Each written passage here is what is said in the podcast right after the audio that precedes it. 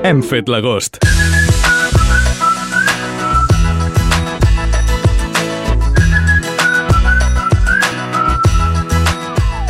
L'Hostal Ribes va obrir fa tres generacions, el 1962. Actualment són els nets d'en Darwin i la Lolita els que n'han agafat les regnes. Durant aquests més de 60 anys el negoci ha anat evolucionant fins a convertir-se en l'hostal que és avui en dia i en el restaurant japonès Natsumi. Per comentar tota aquesta trajectòria, a Nova Ràdio Lloret avui fem l'agost amb els germans Jordi i Cristina Carbó i amb la seva mare, la Pepi Ribas.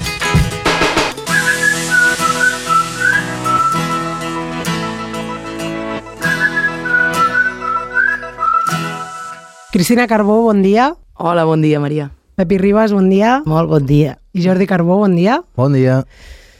Uh, gràcies per venir després de, de tant de temps anant al darrere perquè poguéssim coincidir tots quatre.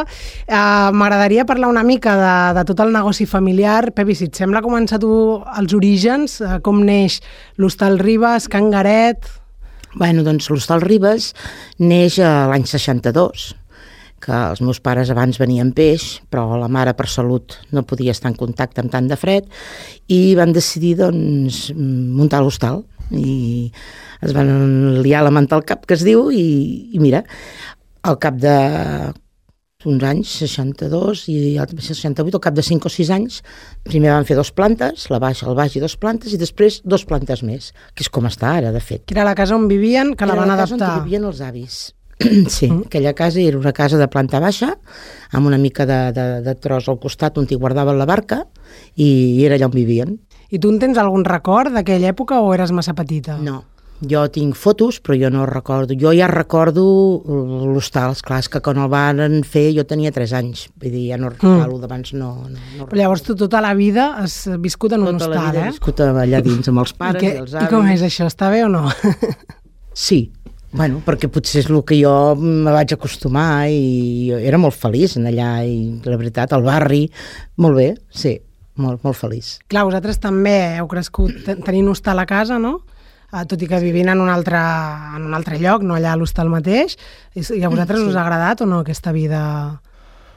Uh, sí, de fet, no vivíem allà, bueno, no vivíem allà, no dormíem allà, però el que era la, la temporada que l'hostal estava obert, pràcticament hi fèiem vida i dinàvem i sopàvem i fins algun cop també ens hi quedàvem a dormir a casa els avis, perquè la primera planta de l'hostal, un cop van haver construït tot l'edifici, la primera planta sempre va ser casa de casa d'ells on vivien.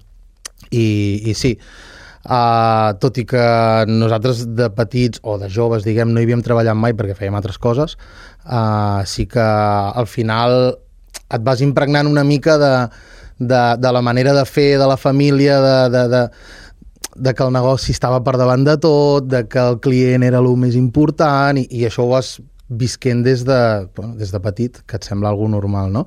Però sí, al final fèiem vida en aquell edifici encara que no hi dormíem. I tu, Cristina, quin record en tens? Bueno, jo era una mica diferent. En Jordi sempre ha sigut més independent, no ha volgut bueno, mai tenir tants, tants de, de, de lligam amb les iaies i això, no? Ell sempre era de mi, deixeu-me que jo vaig a buscar en Pere i l'Alfons o vaig amb els amics.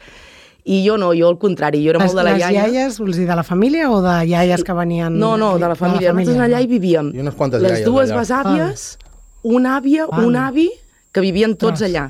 I llavors jo sí que hi feia mig any. O sigui, quan s'obria l'hostal i la bodega, jo ja, com aquell que diu, dormia allà amb la iaia cada dia. I, i juliol i agost no em movia d'allà.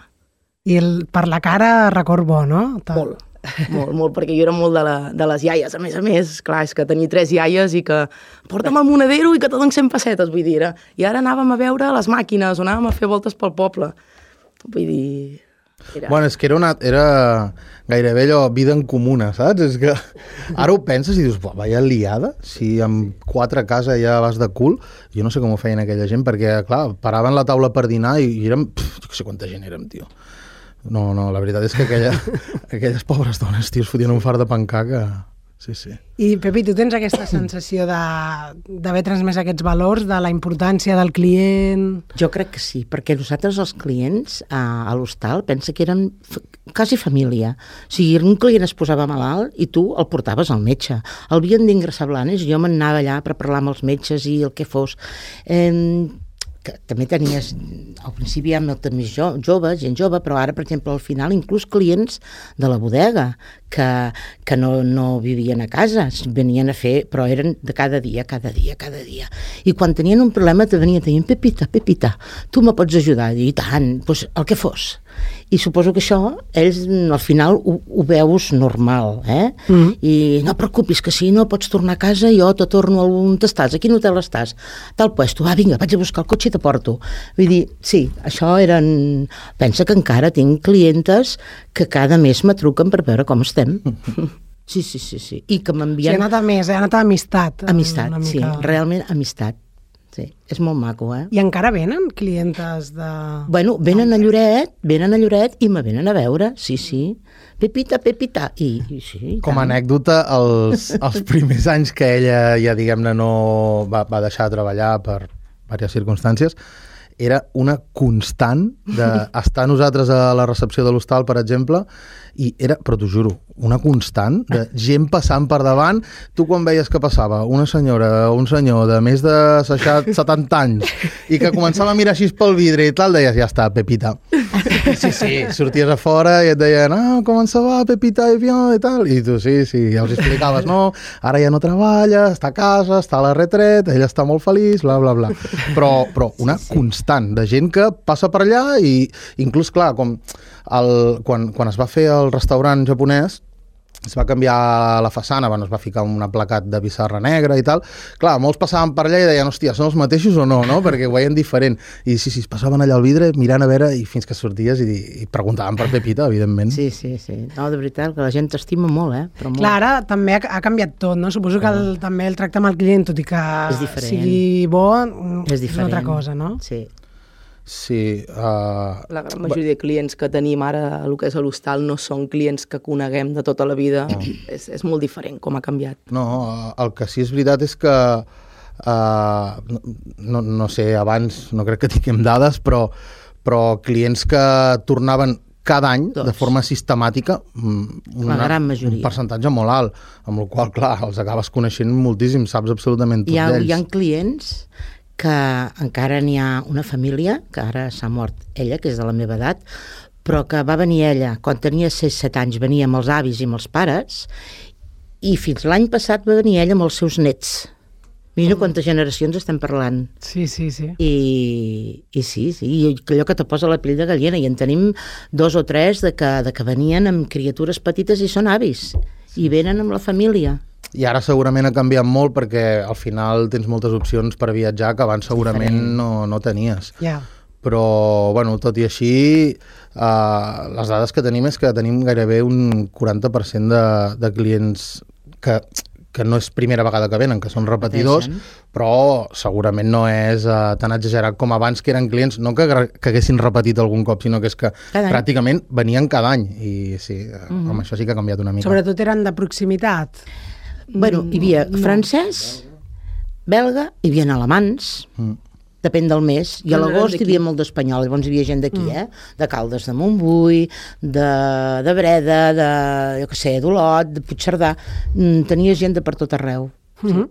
Però d'estrangers n'hi havia molts, però molts. I abans comentaves que va, per motius de salut de la teva mare va ser quan va venir la idea d'obrir l'hostal. És una, va ser un pas que els teus pares el- els va agradar? Ells estaven contents El del meu canvi? pare me deia, uh, noia, diu, des de que treballo al món de l'hostaleria, diu, me sento un senyor. Vaig net, vaig ordenat... Sí, Ah, clar, perquè era peixater ell era abans. peixater, Clar, clar. no anava a pescar perquè es marejava amb la barca, amb l'avi, i llavors ell no podia anar a pescar, no? Però ell doncs, anaven al mercat, compraven peix a Blanes al port, el venien al mercat, i, en fi. Però diu, és que nosaltres treballàvem tot el dia. Hi havia dies que estava el diumenge veient futbol, al camp de futbol, perquè era foròfo, i, i el- per l'altaveu, Darwin Ribas, que t'esperen, que te truquen, que no sé què, no hi havia telèfons, que hi havia algun hotel que havia quedat sense el que fos, no? diu, sí, diu, i a més a més anaves eh, de jovenet, diu, jo anava, clar, vestit com anàvem tota la gent del poble, amb unes espardenyes velles, uns pantalons lligats amb una corda, anàvem així. Diu, i, i veure mare tan ben arreglat, ben afeitat, diu, si és que me sento un senyor, me deia. El pare i la mare sí, eh, de veritat, els va ser un canvi brutal per ells d'allà d'on venien, sí. Mm. També potser encara que els, al final els hi apassionava el que feien perquè si no no, Sí, no haguessin pogut sí, home, i tenien fer el caràcter que van fer, això. però, Ui. Però el desgast que van tenir segur que va ser molt gran perquè a més a més era una altra manera de fer Sí, les sí, coses sí, eh? sí. era, No, no, no es era com, com viure-ho si, jo sé, si obrien 8 mesos l'any o el que fos, eren 24 hores, 24 hores. cap dia de festa durant tots aquests mesos. Però és que ni ens ho plantejàvem una fer un dia de festa. Jo no havia fet mai un dia de festa. Sí, sí. Però jo no m'ho plantejava perquè els meus pares no havien fet mai un dia de festa. Ja teníem l'hivern, que dèiem. Ja. I, I ja està, i estaves contínuament, perpètuament treballant, més quan anaves a dormir, si no te trucaven que algú necessitava alguna cosa. Això ha canviat, Però també, no? sí. Ah, o què? Molt. Ho, ho, ho heu pogut agafar amb un ritme més baix? O... Sí, a, com a anècdota et diré que els primers anys, quan el, quan el meu avi encara era viu, uh, hi havia coses que ell no... Et deia, noi, no vas fer per aquí, eh? Perquè no les veia clares, perquè tu li deies, no, avi, uh, nosaltres obrim aquestes hores, hi ha aquest horari, la, hem de descansar aquests dies, tal. I ell, evidentment, no li semblava bé, li semblava que si no estaves en el negoci gairebé 24 hores, eh, era com gairebé, no t'ho deia, però com que, Sí. noi, tu no tens ganes de treballar, saps? Ja. no, Sí, sí, sí. sí. saps? Sí, però també tinc ganes de viure, no? Sí, no? O de descansar, o de lo que sigui, no? Per la seva visió, tu havies de viure a dins de la feina. Ah, també és un... Ah. Eh, ha canviat tot com a societat, no? Una Molt, mica, per molt. sort, també. Sí, sí, hem guanyat bastant, eh? I, i, la, I el que és la bodega, com quan l'obriu... La bodega, quan la mare, que ell també va estar malalta de ronyons durant molts anys i va arribar a un punt que havia de fer diàlisis i esperàvem un ronyó, eh, vam decidir, com que ell era la que feia la cuina, llavors La cuina vam, de- de la l'hostal. cuina de l'hostal, eh? Havia- Feia, clar, allà la gent menjava, dinava, esmorzava, dinava i sopava, per això feien vida en comú amb els clients.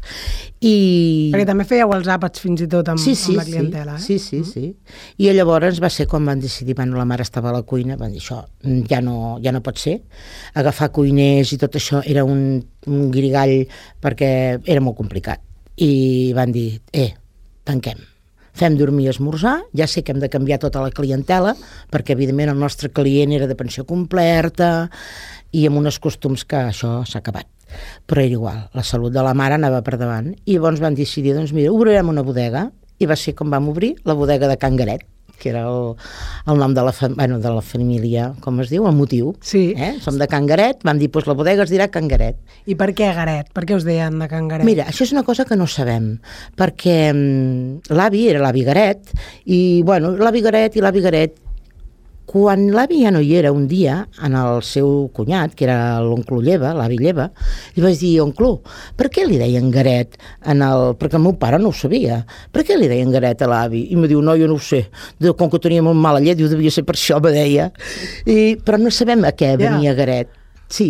I... No hi ha bibliografia, no. No, si, no, si no. des d'aquí, si algú ens està sentint i ho sap, ho sap, que ho i ens digui, pot no? ajudar. Perquè- ens ajudi. Preguntarem a en Xavi Orri.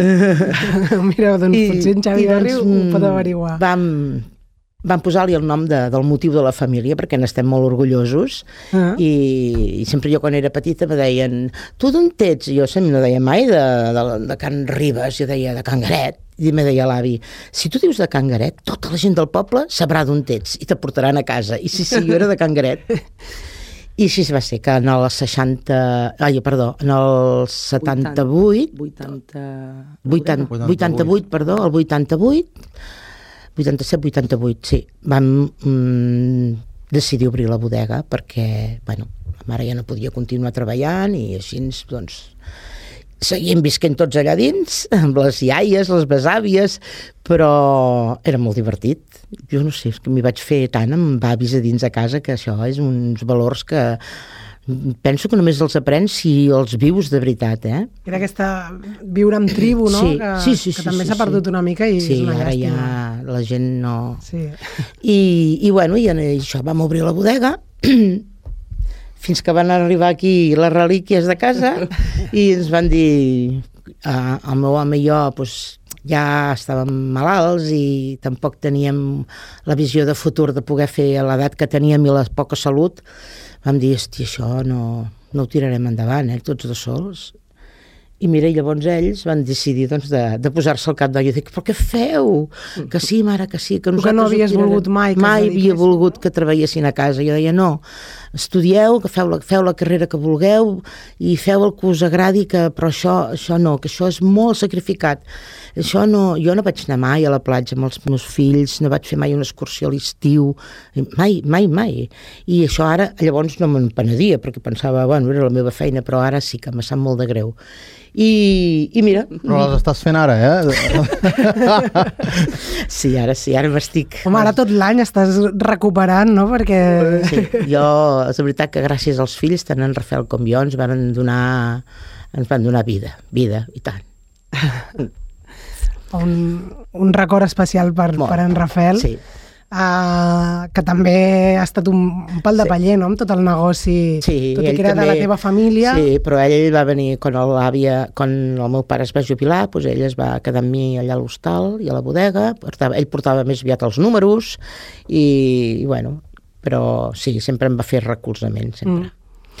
I, clar, eh, diu, ella va dir, estudieu el que vulgueu, dediqueu-vos a una altra cosa. Vosaltres veu fer cas fins a un cert punt, no? Perquè tots dos veu estudiar, veu fer altres coses.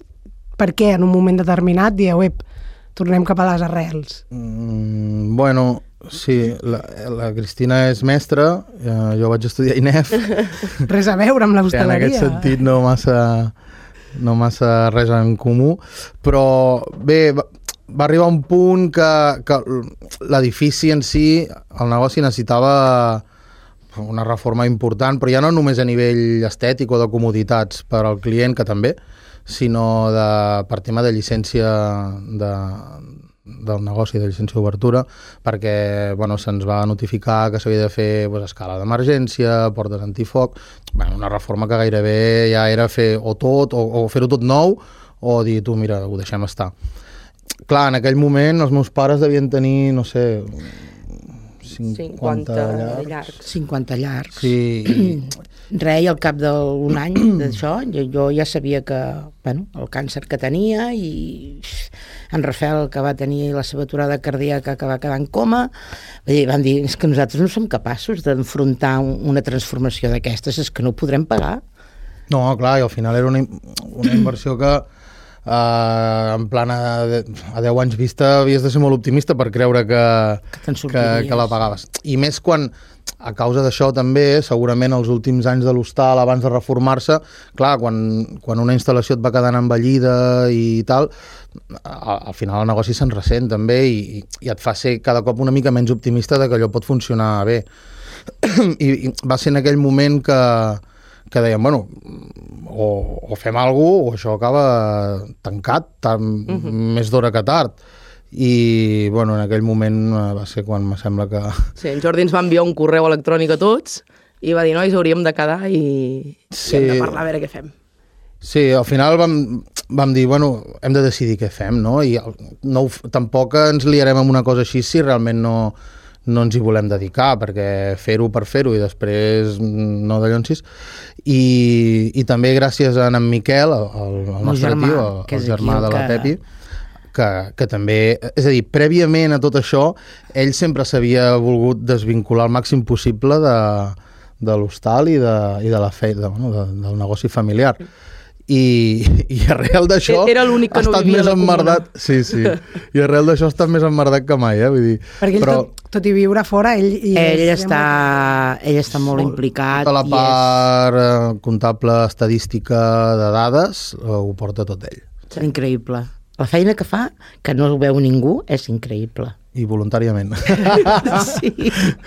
S'ha de dir, eh? S'ha Sí, de dir. sí. Ah, qui va ser el, el que va fer... Va ser en Jordi amb aquest correu i les ganes de tirar-ho endavant o, o va ser més tu, Cristina? Com... No, jo era, en aquell moment era més petita i tampoc sabia tampoc tots els problemes de casa. Llavors ell sí que era el gran que estava més en contacte i va ser el que, el que va dir, nois, eh, l'edifici està com està, els pares són grans, tot està penjant d'un fil, eh, ens hem de reunir, hem de quedar, hem de mirar què es pot fer i què no, i decidir què volem fer i què no, que ningú estigui obligat a, a continuar amb això. Sí, I. Bé, i una mica com tot, al final el que vam mirar és de dir, bueno, què ens demana l'Ajuntament que hem de fer, quin cost té això, eh, com... Era, era un moment també en el que començava una mica tot el tema online eh, en quant a reserves d'hotels, prèvia, jo què sé, cinc anys abans gairebé Booking potser ni existia, que sí que existia però que no era tan... Ja, no era com ara. No, no era com ara. I, I clar, al final, per una banda tenies el, el, el cost de la inversió i per l'altra el, el dubte de dir, bueno, mm, si, si passem a, a, que, a que tot el procés de, de venda de, de l'hostal sigui més online i de més, aconseguirem que això funcioni i tal, hi havia una mica aquest dubte, no? Clar, mm, quan vam dir hem de fer pues, tals eh, reformes al final mires una cosa de quins són els mínims que has de fer i, i, ens, bueno, i al final vam acabar fent-ho tot nou. Uh, i una mica pues, va- ens vam reunir per, per valorar això i, i vam decidir que sí, que ens posàvem nosaltres al capdavant i que, i que ma mare pues, i el meu pare en aquell moment es, es deixessin també de, de tenir la, la preocupació de, de lo que és la gestió d'un negoci i de tot el que comporta i que, bueno, i que vinguessin només a, a treballar a les hores que ells creguessin, si ho creien oportú i si més endavant doncs no, doncs no. que ens va durar molt poc. Sí. va ser decidir que sí i al cap de, sí, què, sis mesos ja bueno. vam saber que, que bueno, estaries al càncer. Sí, res, i va obrir i a mi em van operar al cap de tres mesos. A dir, mm. que passa que després al cap d'un any vaig poder tornar a treballar Sí. a la recepció, perquè no podia estar a peu dret, però sentada sí, vaig estar a la recepció, i al cap de cinc, que se me va repetir, pues, mm, m'han operat dos cops, però ja no que ja no puc estar-hi... Encara que estigui sentada ja no, no tinc problemes i per tant...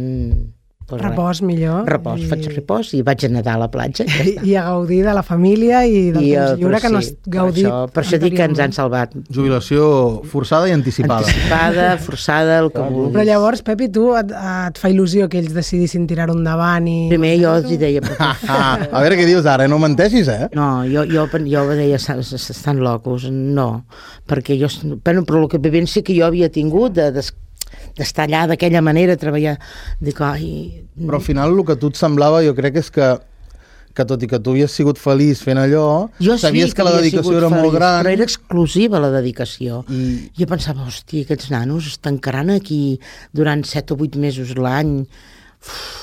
12 a 12 I- al final. Al final, llavors, sí, ara també hi ha el tema de la bodega convertida en un japonès, bueno, res és a que veure això ja això. va ser això que el remate final. Això no, vas dir, no, no, aquí ja no anem no, bé, jo aquí què? vaig dir, el dia que m'ho van dir, perquè no deien què posaven. Mare, canviarem, eh?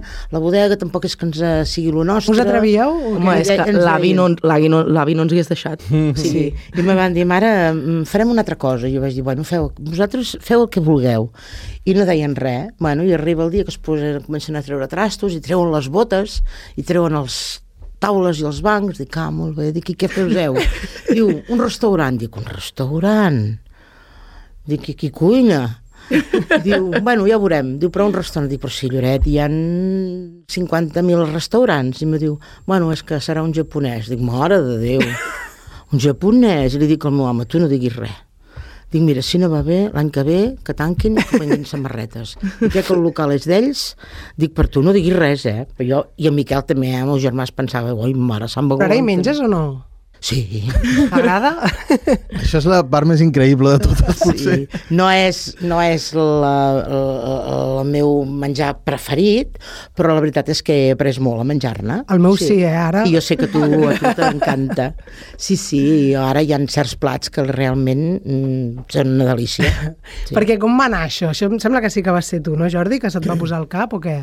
Uh, sí, és a dir, un cop vam reformar l'hostal, vam estar, crec que, tres anys més seguint, gestionant la bodega tal i com estava abans. Bueno, Sí, sí. el vam incloure... qua- tapes. Tap, més tapes i algunes coses Sí. que, que anteriorment no fèiem. Carta de vins. Sí, vam fer més carta de vins que no només vins de bota com anteriorment, però bueno, poca Era cosa. més o menys el mateix. Dos o tres, tres anys més crec que van ser. I, i ja un any abans d'això Uh, a mi m'agrada molt, o, bueno, va arribar, ara no sabria dir en quin moment, que em vaig aficionar molt al tema del, del, del menjar japonès, no? com, com a client, com tu. I, i, I sempre vaig pensar, ostres, mm, m'agradaria poder fer això, el que passa que, clar, no deixa de tenir... Ara potser n'hi ha molts més de restaurants japonesos també, però en aquell moment n'hi havia menys i, i és en, en, endinsar-te en una cosa que, que tampoc és tan senzilla, que no hi ha, no hi ha formacions, igual que tu te'n pots anar a l'escola de cuina o el que sigui, a l'escola hostaleria, en tema de cuina japonesa, eh, bueno, ara hi ha molt de, a YouTube pots trobar molta informació, però Ja, mm, en aquell temps moment- no tant, potser. Uh, el, la cosa és que jo tenia un, un amic que, que, que tenia un restaurant japonès a Vic i que el vaig conèixer a través del hockey, això. I, i jo portava un parell d'anys dient-li, hòstia, tu va, fota'm un cop de mà, deixa'm venir aquí un temps a veure com feu i tal, i m'expliques... I al final un dia em va dir, tu va, no m'emprenyis més i, i vine que t'explicaré com funciona una... Bueno, com funciona una mica tot.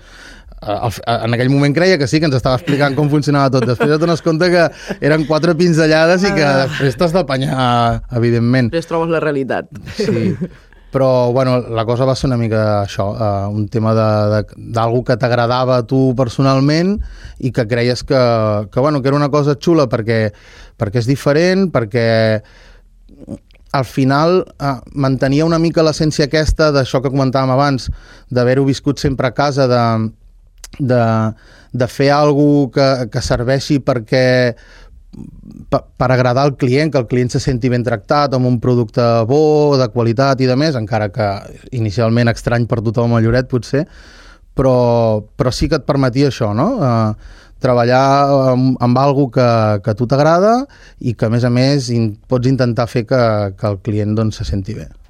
I tu, Cristina, com ho reps quan en Jordi et parla d'un japonès? No havia anat a un japonès mai a la meva vida. tu no eres aficionada, eh, doncs? Gens. Jo no em havia mogut de Lloret, era ell el que sempre estava per allà. I, i sí, sí, m'ho va explicar i li vaig dir, però i, però i això com ho farem? I em diu, tu no pateixis, que anirem allà, ens ho ensenyaran. I jo pensava, bueno, serà molt fàcil, no? Anirem allà, ens ho ensenyaran i, i ho portarem aquí i estarà tot fet. No, no. Jo el dia que vaig anar allà jo no sabia ni com es agaf... Recordo estar sentats a la taula ell, el, el noi de Vic, jo, i no saber què fer amb els pals. I jo pensava, i ara com li demano jo a aquest home una forquilla? I pues, com això tot, entrar a la, cu entrar a la cuina i dir "Pff, però és que això no són fer unes patates fregides ni fer una pizza o fer un bistec a la planxa. I va ser, va ser complicat, però uns me els primers mesos van ser molt difícils. molt. Te'n recordes, entre els serveis de migdia i nit, que quedàvem morts allà? Que, que, És que a més a més obríem de dijous a diumenge. dormits, eh, érem... Sí, sí, era molt, va ser molt esgotador, Va ser el molt- primer any, sobretot. Sobretot, lo, lo, lo que ens va facilitar una mica és que no hi havia nenes encara. Sí, clar. No teníem criatures i llavors podies dedicar totes les hores del món Clar. a allò, però anàvem super, super, super morts. Molt. I ara eh, heu rondat altres japonesos i, i això o no? Sí, Soleu... Molts, gairebé tots. Sí. Perquè Allà on anem, jo, o sigui, és que sembla que sempre us vulgui fer la pilota i de veritat que no és això, però a mi m'agrada molt també anar a japonesos i la qualitat del Natsumi és que no té res a envejar uh, bueno, no sé, vosaltres si sou conscients d'això, no? Perquè a més jo he portat molta gent de fora que ve Lloret i vine a provar que els agrada el japonès i, i és que tothom queda, queda al·lucinat. Al final, a veure, dintre de la cuina japonesa, mmm, clar, pots trobar restaurants que fan tipus de cuina que potser no és sushi, no?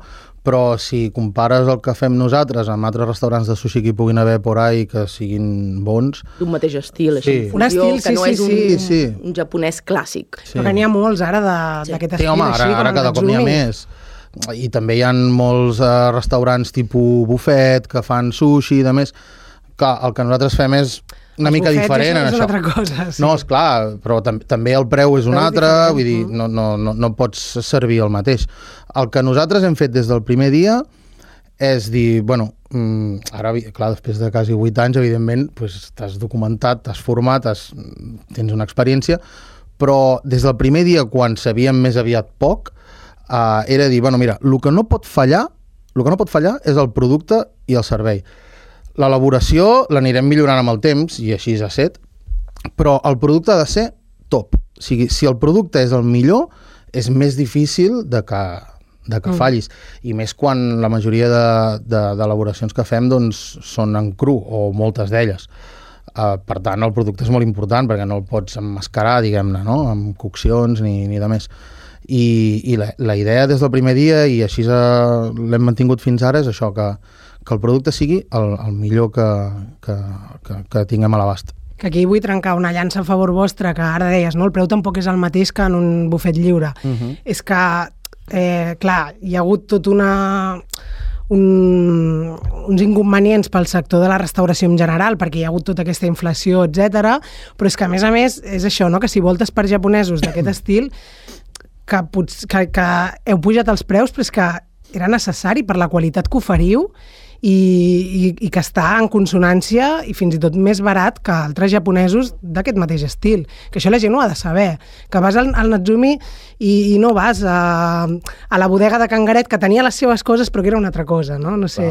Clar, canvia molt. Al final, des de la pandèmia, mm, l'augment de preus que hi ha hagut en els productes que comprem ha sigut salvatge. O sigui, l'augment mig de, de, de, de, dels nostres proveïdors ha estat al voltant del 25%. O sigui, en, de 2000, finals de 2020 a 2023, en dos anys i poc, un augment d'un 25% és pràcticament insostenible. De fet, va haver-hi un moment que vam dir, bueno, pandèmia, no sé què, anem-ho mirant, anem-ho seguint, tal, amb I en mi- Miquel- mil excels i en Miquel ens controlant. un- clar, un bon toque. I vam dir, tu, arri arriba un, al final el, el, el marge de benefici d'un restaurant com el nostre pot estar pues, entre, el, jo sé, entre el 10 i el 20% de les caixes que generes si treballes bé. Si te pugen un 25% als subministres, estàs fora. Clar, és que perds diners. Clar, vull dir, te quedes gairebé molt poca cosa. I, i va haver un moment que vam, ens vam haver de sentar i tu dir, bueno, què fem, no? Perquè, evidentment, pots buscar altres proveïdors, pots... però al final només hi havia una manera, o puges una mica el preu i a lo millor guanyes una mica menys perquè tampoc pots repercutir tot aquest augment tan sobtat en tan poc temps, o, o baixes la qualitat del que ofereixes i jo què sé, doncs si en un uramaki de, que va cobert de tonyina hi ha 80 grams de tonyina, doncs en vez de cobrir-lo així, el cobrim horitzontal i fiques 30 grams. O en vez de comprar eh, tonyina de 50 euros al quilo, la compres de 22, que també n'hi ha. O sigui, només podies triar entre aquestes dues vies i el Gandhi és dir, bueno, doncs mira, mirarem de fer un augment de preus el, el més eh, espaiat possible en el temps, que no sigui tot de cop, eh, no arribarem mai a, a aquest 25% que nosaltres ens han incrementat, però, però seguirem mantenint exactament la, la mateixa qualitat de, del producte que teníem.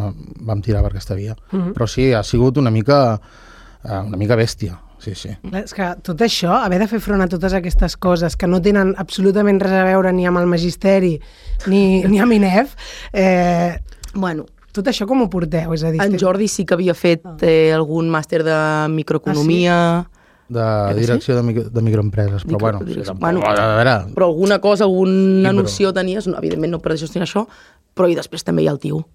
El tio Miquel sí que amb això ens va fotre bastant cop de mà i després el dia a dia, o sigui, des del moment que decidim que sí, jo encara estic fent l'últim any de carrera i diguéssim tot el procés de fer l'obra de l'hotel i bueno, en general tot el més fort va ser ell, ell sol qui s'ho va qui s'ho va cuinar i s'ho Bueno, va menjar tu- i va fer un supermàster de, de 8 anys aplicat en 9 mesos.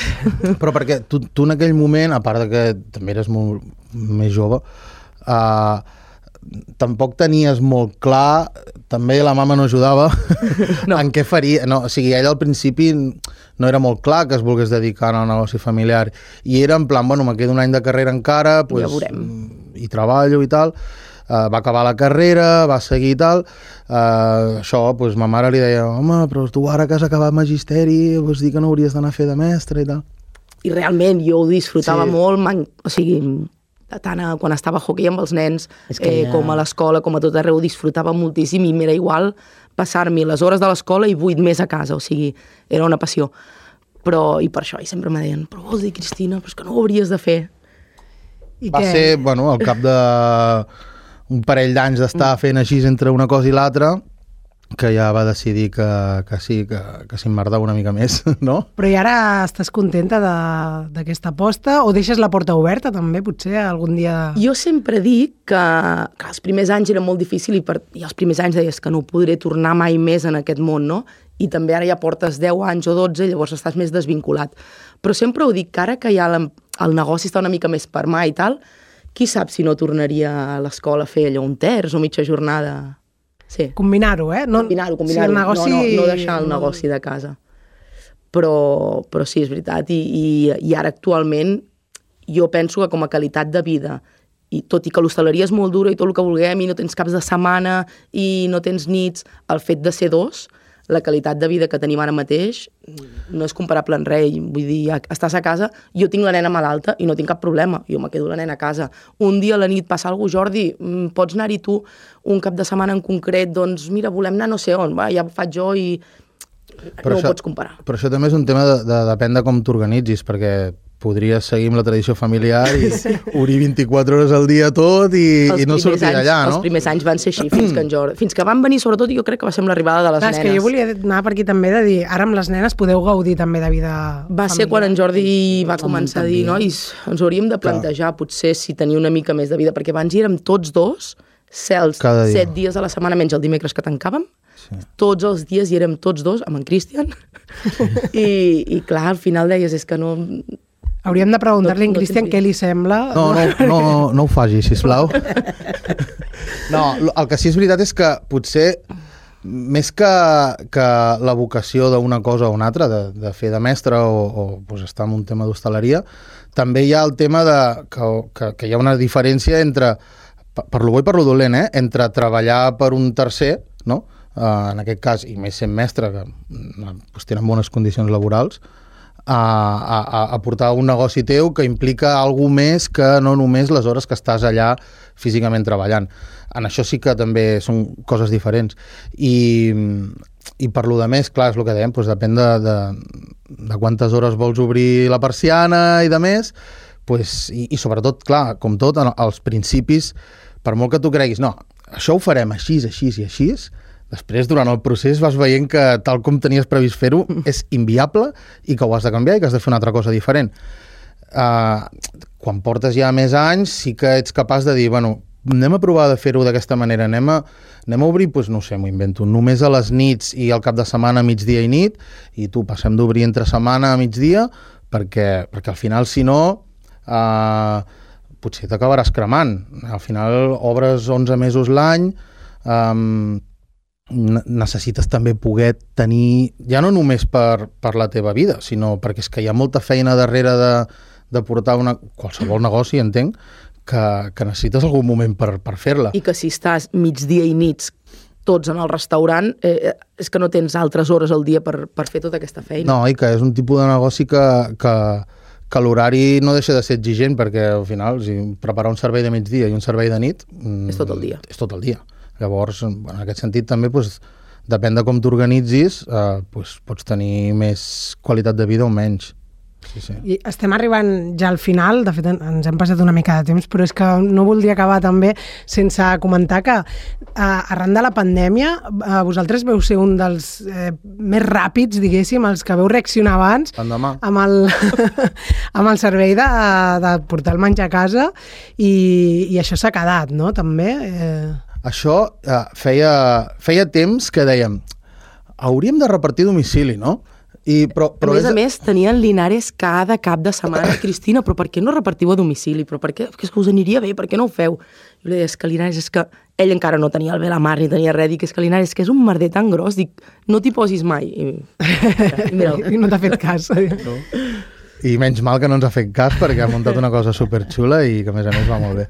Però sí, feia temps que ho dèiem, però és allò que el dia a dia, mm, el que dèiem, no? de tenir una mica de temps també per altres coses que no és estar físicament allà treballant, el dia a dia se't va menjant i penses, bueno, ja ho farem, ja ho farem, ja ho farem, i com que vas eh, bé, tens feina i tens prou mals de caps, doncs no, no, no preníem mai la decisió de dir, va, anem a, anem a provar això.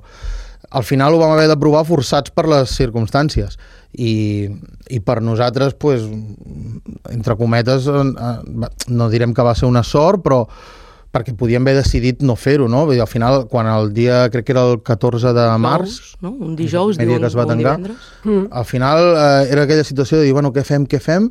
I vam decidir de dir, mira, mm, agafem les nostres motos particulars i, i, i comencem a repartir. I allò ens va portar a... Bueno, va ser una mica complicat, eh? perquè jo tenia una part moral, ètica, de dir, Sí. sí. és que la gent s'està morint i nosaltres seguim vinguent a treballar, no? I per una altra banda ens deien, ja, però és que la llei no ens està prohibint, la llei justament te deixa, et permet fer això. Ja. I uf, van ser unes hores que bueno, va ser i, bastant i, difícil. I a part de la part ètica o moral, la, la por. Clar, clar. Perquè en aquell moment... Eh, Sí, sí, no sabies- deies Tu, eh, potser que ens tanquem tots a casa i no sortim fins que això hagi passat. A Que- tot això Que havien de s'ajunta. ser 15 dies al principi. Ja, ja. s'ajunta que tenim els pares malalts, Clar. que diem, si nosaltres anem a treballar, no podrem per res entrar a casa. Veure'ns. No. Jo feia una setmana que sabia que estava embarassada, Sí, però sí. ningú sabia res. I jo pensava, De fet, i ara què faig jo, embarassada, anant a treballar amb el Covid? Si és que, que- com, com ho faig i a qui li dic? de fet, fem una reunió per telèfon, sí. tots, i diem què fem, i, i el meu tio, en Miquel, era partidari de dir, tu, provem de repartir domicili i tal. I la Cristina deia que no. I jo pensava, "Uf, et menjaràs el marrón tu sol. I vaig dir, bueno, va, és igual, som-hi, va, provem-ho. I la Cristina, mm, no de llançis, jo pensava, joder, sí que té por, tio, que, que portem tres setmanes, perquè va ser una bogeria, o sigui, igual, jo què sé, si traiem 40 pedidos al dia, No, no. Uh, igual trucaven 200 persones, t'ho juro, cada dia, i no podíem Sí, sí, atendre. és que va I ser no, hi havia, un- no teníem una web que automatitzés processos, ni Res, res. anàvem amb el telèfon, vam ficar la màquina dins de la cuina i, i un amb el telèfon anava picant el que la gent volia, però clar, mentre tu parlaves amunt te trucaven sis persones. No, era un agòbio. No, podi, no et donava temps a poder trucar a la No persona podies. que te trucava, era, era I. I una mica pensava jo, però per què la Cristina no vol venir a treballar? A veure si total... I, i després, clar, jo no sabia que estava embarassada, saps? I al final, després d'una mica de tensió, un dia va dir, per què estic embarassada? Vaig, vale, vale, vale. manera joder. Quina manera de denunciar-ho. Llavors jo els hi vaig dir, dic, mira, dic, jo prefereixo vindré a treballar, però només aniré en moto. O sigui, jo no vull estar a la cuina, amb... perquè clar, la cuina, vulguis o no, és Sí, sí, petita, és petit i érem i- cinc persones allà dins. I encara en aquella època ni hi havia mascaretes, no hi havia res, i jo els deia, jo repartiré. I llavors en Cristian em deia, no, no, no, amb la moto no. I, I llavors això en Cristian es va quedar dins a cuina perquè jo pogués anar a repartir i cada minut i mig te trucava, estàs bé, Cristina? I jo deia, "Hosti, però que vaig amb moto, que no passa res. Tot el que no sabíem, eh? Tot el que no, que no es veia. I... La història. déu Però i d'allà, mira, encara, encara estem, encara, Encara estem. segueix el, el delivery. Pepi, estàs orgullosa? Molt. Et brillen els ulls, Sí, eh? t'anava a dir, vigila el que li preguntes, que plora ràpid, eh? No, no, molt. Jo no tinc paraules per agrair-los tot el que han fet. bueno, al final... És tota una història. No, dic que al final el que hem fet és seguir una mica el negoci familiar, tot i que, bueno, canviant coses, com suposo que cada generació que agafa un negoci familiar canvia coses, i, i res, i si ha servit doncs, per, per fer alguna de lo que ens puguem sentir orgullosos, donar un bon servei al client i que els nostres pares doncs, puguin viure el més bé possible, doncs objectiu complert. Segur que sí. Check. Doncs moltíssimes gràcies per, per venir aquí a la ràdio, eh, abans de que acabem tots plorant. I, i bueno, que hi hagi Natsumi per anys i Tòquios i, i que puguem, que puguem gaudir-ho i, i també Hostal Ribes per anys. Gràcies i molta sort amb tot. A vosaltres. Moltes Merci, gràcies.